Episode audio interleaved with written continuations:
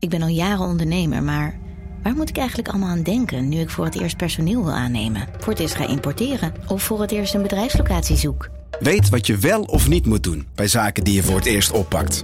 Check kvk.nl voor praktische stappenplannen.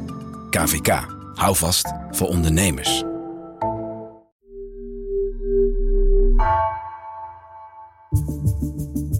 Vanaf de redactie van NRC het verhaal van vandaag. Mijn naam is Floor Boon.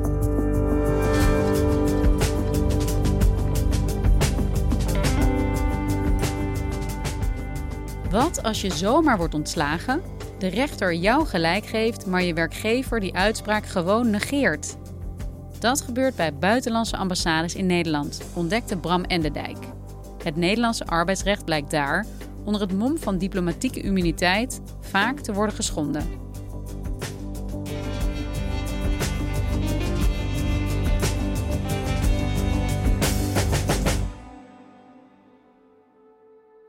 Het is 27 oktober 2017 en Nisrin Ali is op haar werk, een handelsbureau van de Egyptische ambassade in Nederland. Nou, ik ben de secretaresse van het commerciële afdeling, dus doe ik ook uh, secretaresse taken. Uh, telefoontjes opnemen, afspraken zeg maar plannen en uh, zo. Nisrin is een Nederlandse en ze is zwanger, 28 weken. En op dat moment dat ze op haar werk is, voelt ze pijn in haar buik. Op het laatste, om bijna vier uur, ik zei nou, ik, ik ben zo moe, ik ben, uh, ik, het is bijna vier uur, ik ga echt naar huis. Dit ga ik vandaag echt niet afmaken, maandag doe ik. Ik had pijn. En toen blijkt dat ik de wee had. En in de nacht moest ik naar het ziekenhuis met een ambulance. En dat weekend bevalt ze dan maanden te vroeg van haar eerste kind. En ze moet drie maanden lang in het ziekenhuis blijven. En ze laat me dan foto's zien, foto's van dat babytje wat nou ja, bijna niet groter is dan een hand met een klein mutsje op, op haar hoofd. En dat is natuurlijk dan haar leven. En haar man belt dan naar het handelsbureau van die Egyptische ambassade en zegt van ja, mijn vrouw kan niet komen werken, want ja, ze, ze is te vroeg bevallen en we hebben een kind en we hopen dat alles goed gaat. En vanaf dat moment wordt haar salaris niet meer overgemaakt en hoort ze eigenlijk niks meer van haar werkgever. Ze krijgt ook geen kaartje, ze wordt niet gefeliciteerd met haar uh, baby. Ze krijgt helemaal niks. Tot in december. Dan valt er een brief door de bus.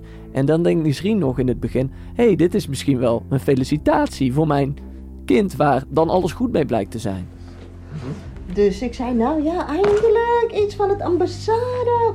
Nou, zeker een kaartje. Ja. Met een felicitatie. Ik ging ze openen. Ja. En het was uh, mijn ontslagbrief. En daarin staat dat die dag waarop ze haar eerste weeën kreeg, 27 oktober, ook haar laatste dag was voor de Egyptische ambassade. Want ze is op staande voet ontslagen.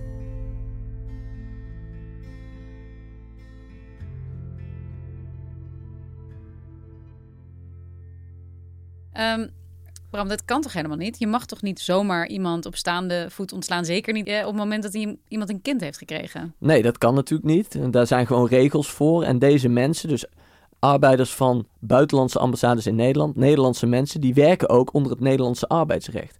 Maar ik heb op een gegeven moment een tip gehad van iemand die ook bij zo'n ambassade werkt, omdat ik eerder had geschreven over misstanden bij een ambassade in Nederland, de ambassade van Qatar. En hij zei, bij mij is ook iets aan de hand. En hij vertelde me van, ik ben ontslagen, ik ben onterecht ontslagen, dat is door de rechter vastgesteld.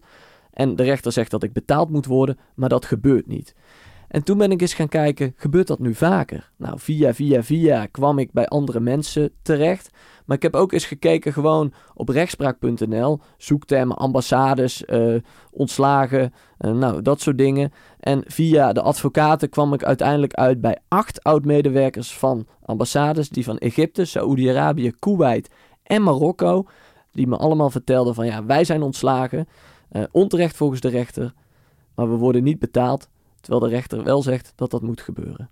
En wat uit die verhalen blijkt van die mensen, is dat er op veel ambassades toch een cultuur heerst van, nou ja, uh, een strakke hiërarchie. Maar als je daar je mond over houdt, als je precies doet wat de diplomaten willen, dat het dan nog wel gaat. Maar op het moment dat je ziek wordt, dat je protesteert of dat je op een andere manier niet helemaal ja, doet wat ze van je verwachten, dat je dan zomaar op straat kan worden gezet. En dat als je dan naar de rechter gaat, ja, je wel gelijk krijgt, maar dat je daar dus niks aan hebt. Dit gaat over buitenlandse ambassades in Nederland. Ik denk dan meteen aan die statige gebouwen in Den Haag vooral, waar die uh, landen ja, diplomatiek vertegenwoordigd zijn. Wat, wat is dat voor een wereld? Wat weten we daarvan?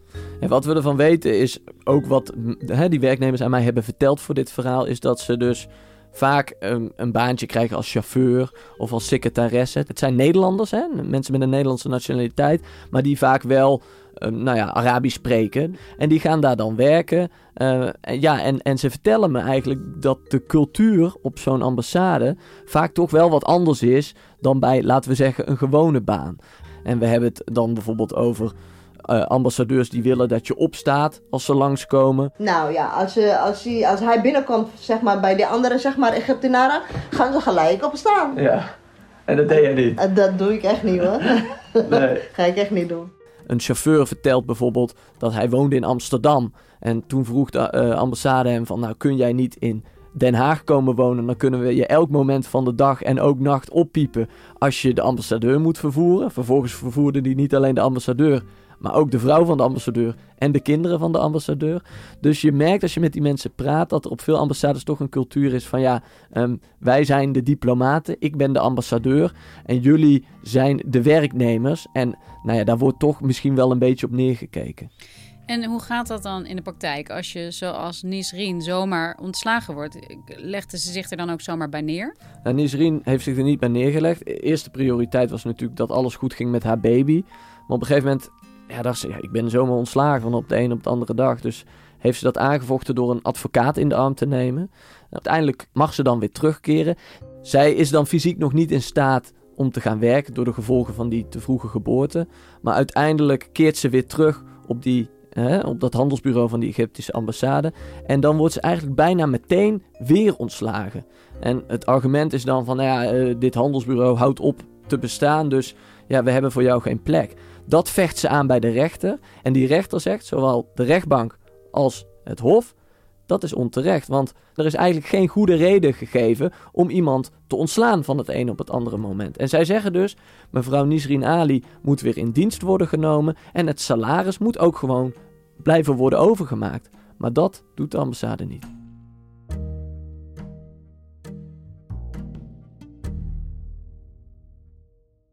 Dus er is een uitspraak van de rechter. Nou ja, goed, normaal gesproken in Nederland, als dat er is, dan, hè, dan zijn er manieren voor om te zorgen dat die uitspraak ook wordt uitgevoerd.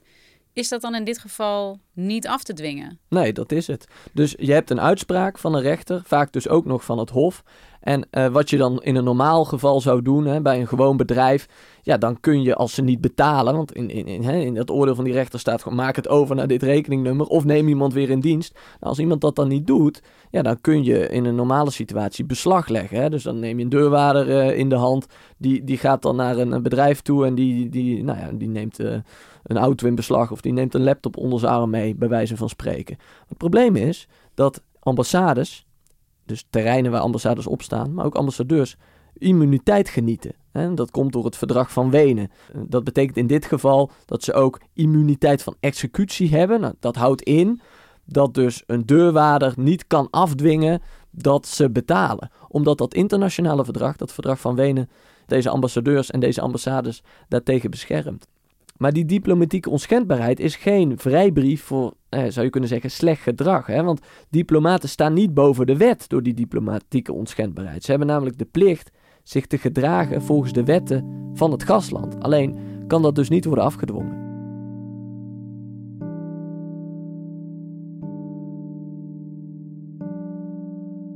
Het eigenlijk voor het eerst in Nederland dat we ontdekken dat er dit soort misstanden zijn bij uh, buitenlandse ambassades in Nederland? Nee, dat verdrag van Wenen, dus de immuniteit, heeft vaker voor problemen gezorgd. Wat iedereen misschien nog wel weet, zijn de verkeersboetes. Op een gegeven moment was er een verslaggever van het Ponus toen, hè, met de roze microfoon. Ik zie u kijken naar boven. Haal deze auto weg. En betaal ook de bekeuring alsjeblieft. Als u de auto weghalen, meneer. Yes? Stond hij met een megafoon voor ambassades om ze eigenlijk ja, tot de orde te roepen. Want eh, ja, ze betaalden die verkeersboetes niet. Staan, staan heel veel daar. Waarom, waarom zetten jullie de auto zo asociaal hier neer? Oh, jij doet veel vragen of niet? Veel vragen? Ja, ja. Ja, maar het is toch asociaal om de auto zo neer te zetten? Ja, is goed. Maar is er dan niets dat Nederland eigenlijk kan doen om af te dwingen dat ja, mensen zich gedragen, zich aan de regels houden en rechterlijke uitspraken naleven? Niet direct. Nederland kan niet afdwingen dat nou ja, ambassadeurs verkeersboetes betalen of dat ze een vergoeding die door de rechter is opgelegd aan een werknemer gewoon uitkeren. Dat kunnen ze niet doen. Wat ze in dat geval van die verkeersboetes wel hebben gedaan, is uh, op een andere manier die diplomaten aanschrijven. Dus in plaats van dat ze die ambassades gewoon boetes sturen, sturen ze nu een soort van vriendelijk verzoek om te betalen, een soort van notificatie. En wat ze wel zien is dat het aantal verkeersboetes van diplomaten aanzienlijk is afgenomen daardoor. Nederland zou natuurlijk in theorie, als een ambassade niet betaalt, hè, terwijl de rechter heeft gezegd je moet betalen aan een werknemer, die ambassade kunnen sluiten. Maar ja, dat is, dat is een maatregel die, waarvan je zou kunnen zeggen, die niet helemaal in verhouding staat tot waar we het over hebben. Ja, het is een paardenmiddel. Ja, er zijn ook nog andere dingen die ze kunnen doen. Bijvoorbeeld de ambassadeur op het matje roepen, hè, dus naar het ministerie halen. Dat is ook wel gebeurd, ook in een aantal voorbeelden in dit verhaal. Uh, en uh, dan wordt er gezegd vanuit het ministerie dat is in diplomatieke kringen best wel een, nou, een ingrijpende maatregel. Hè, als zo'n ambassadeur in zijn auto naar het ministerie moet komen en die wordt op zijn gedrag aangesproken. Wat ze ook nog kunnen doen is een Nederlandse ambassadeur in het thuisland, dus bijvoorbeeld in Kuwait, daarna het ministerie van Buitenlandse Zaken sturen om ze daar formeel erop aan te spreken. Maar dat is het. Dus, dus het, is, het komt altijd neer op van, nou ja, beste Kuwait, beste Egypte, beste Marokko, stop hiermee. Hè? En wij vinden dit niet oké, want jullie moeten gewoon de regels van dit land volgen. Wat ze ook in ons verhaal zeggen, het ministerie. Wij vinden dit niet goed. Hè? Wij vinden dat de regels gewoon opgevolgd moeten worden. Maar veel meer dan dat ja, kunnen ze eigenlijk niet doen. Is er in Nederland verder nog steun voor deze verhalen en voor deze mensen die hier tegenaan lopen? Je hebt stichtingen die, die mensen die onder druk komen te staan met arbeidsuitbuiting en zo kunnen helpen. Maar ook het FNV zegt, wij willen toch wel graag in contact komen met deze mensen. Alhoewel ze vaak geen lid zijn van een vakbond. Omdat wij misschien ook op diplomatiek niveau, hè, misschien met hulp van het ministerie, wat kunnen doen. Het FNV zegt, wat hier namelijk gebeurt, is dat doordat dit kan, dus doordat mensen ontslagen kunnen worden. Daardoor worden die werknemers nog veel kwetsbaarder dan ze al zijn. Ze zijn al heel kwetsbaar. Ze werken in een organisatie waar een ambassadeur vaak nou ja, gewoon een soort van de koning is. Hè? Als werknemers op die vloer daar zien dat diezelfde ambassadeur iemand kan ontslaan. En er komen geen consequenties voor de ambassade, zegt het FNV. Wat denk je dat dat doet voor andere werknemers? Denk je dat die hun mond nog durven open te trekken? Denk je dat die nog, als ze beetje ziek zijn, ziek naar huis durven te gaan. Nee, zegt het FNV. Het FNV dat zegt dat is echt een probleem. Dat hierdoor de kwetsbaarheid onder werknemers van buitenlandse ambassades, die toch al groot is, nog veel groter wordt.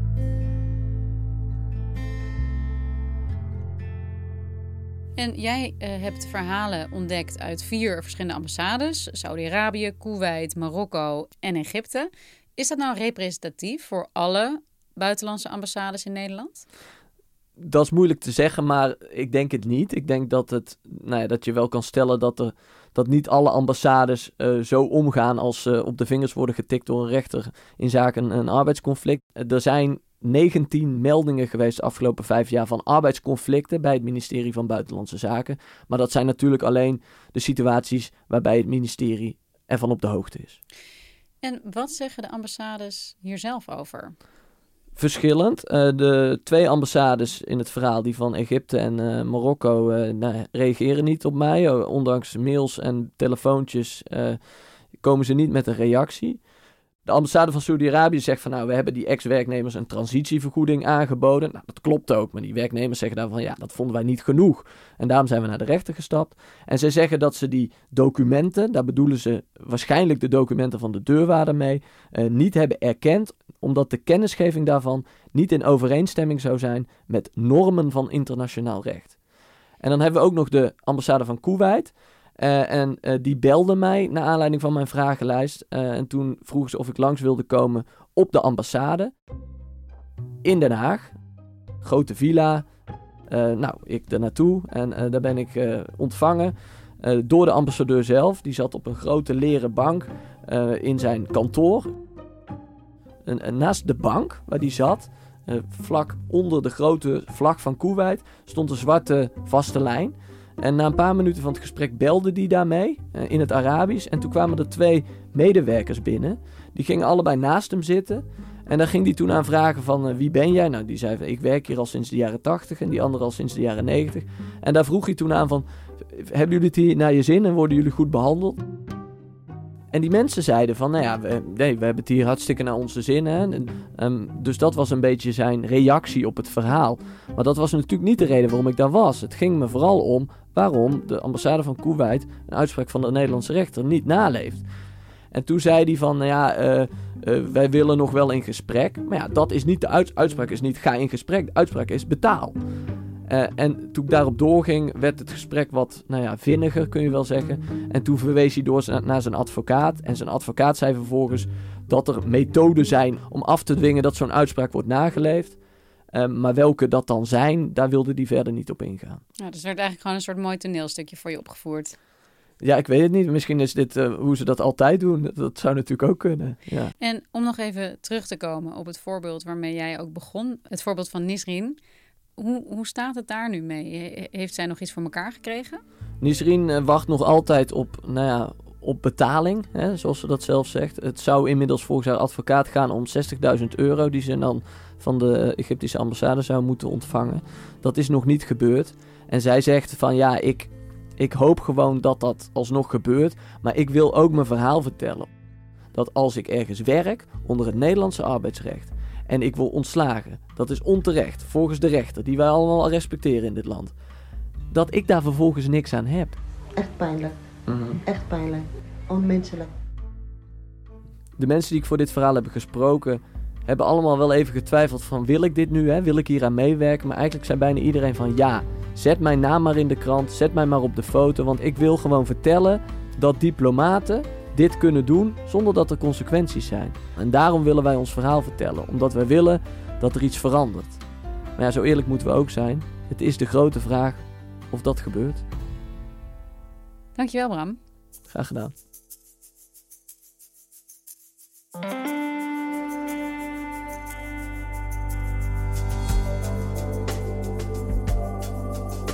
Je luisterde naar vandaag, een podcast van NRC. Eén verhaal, elke dag. Deze aflevering werd gemaakt door Wijken van Koolwijk, Iris Verhulsdonk en Stef Visjager. Dit was vandaag. Morgen weer.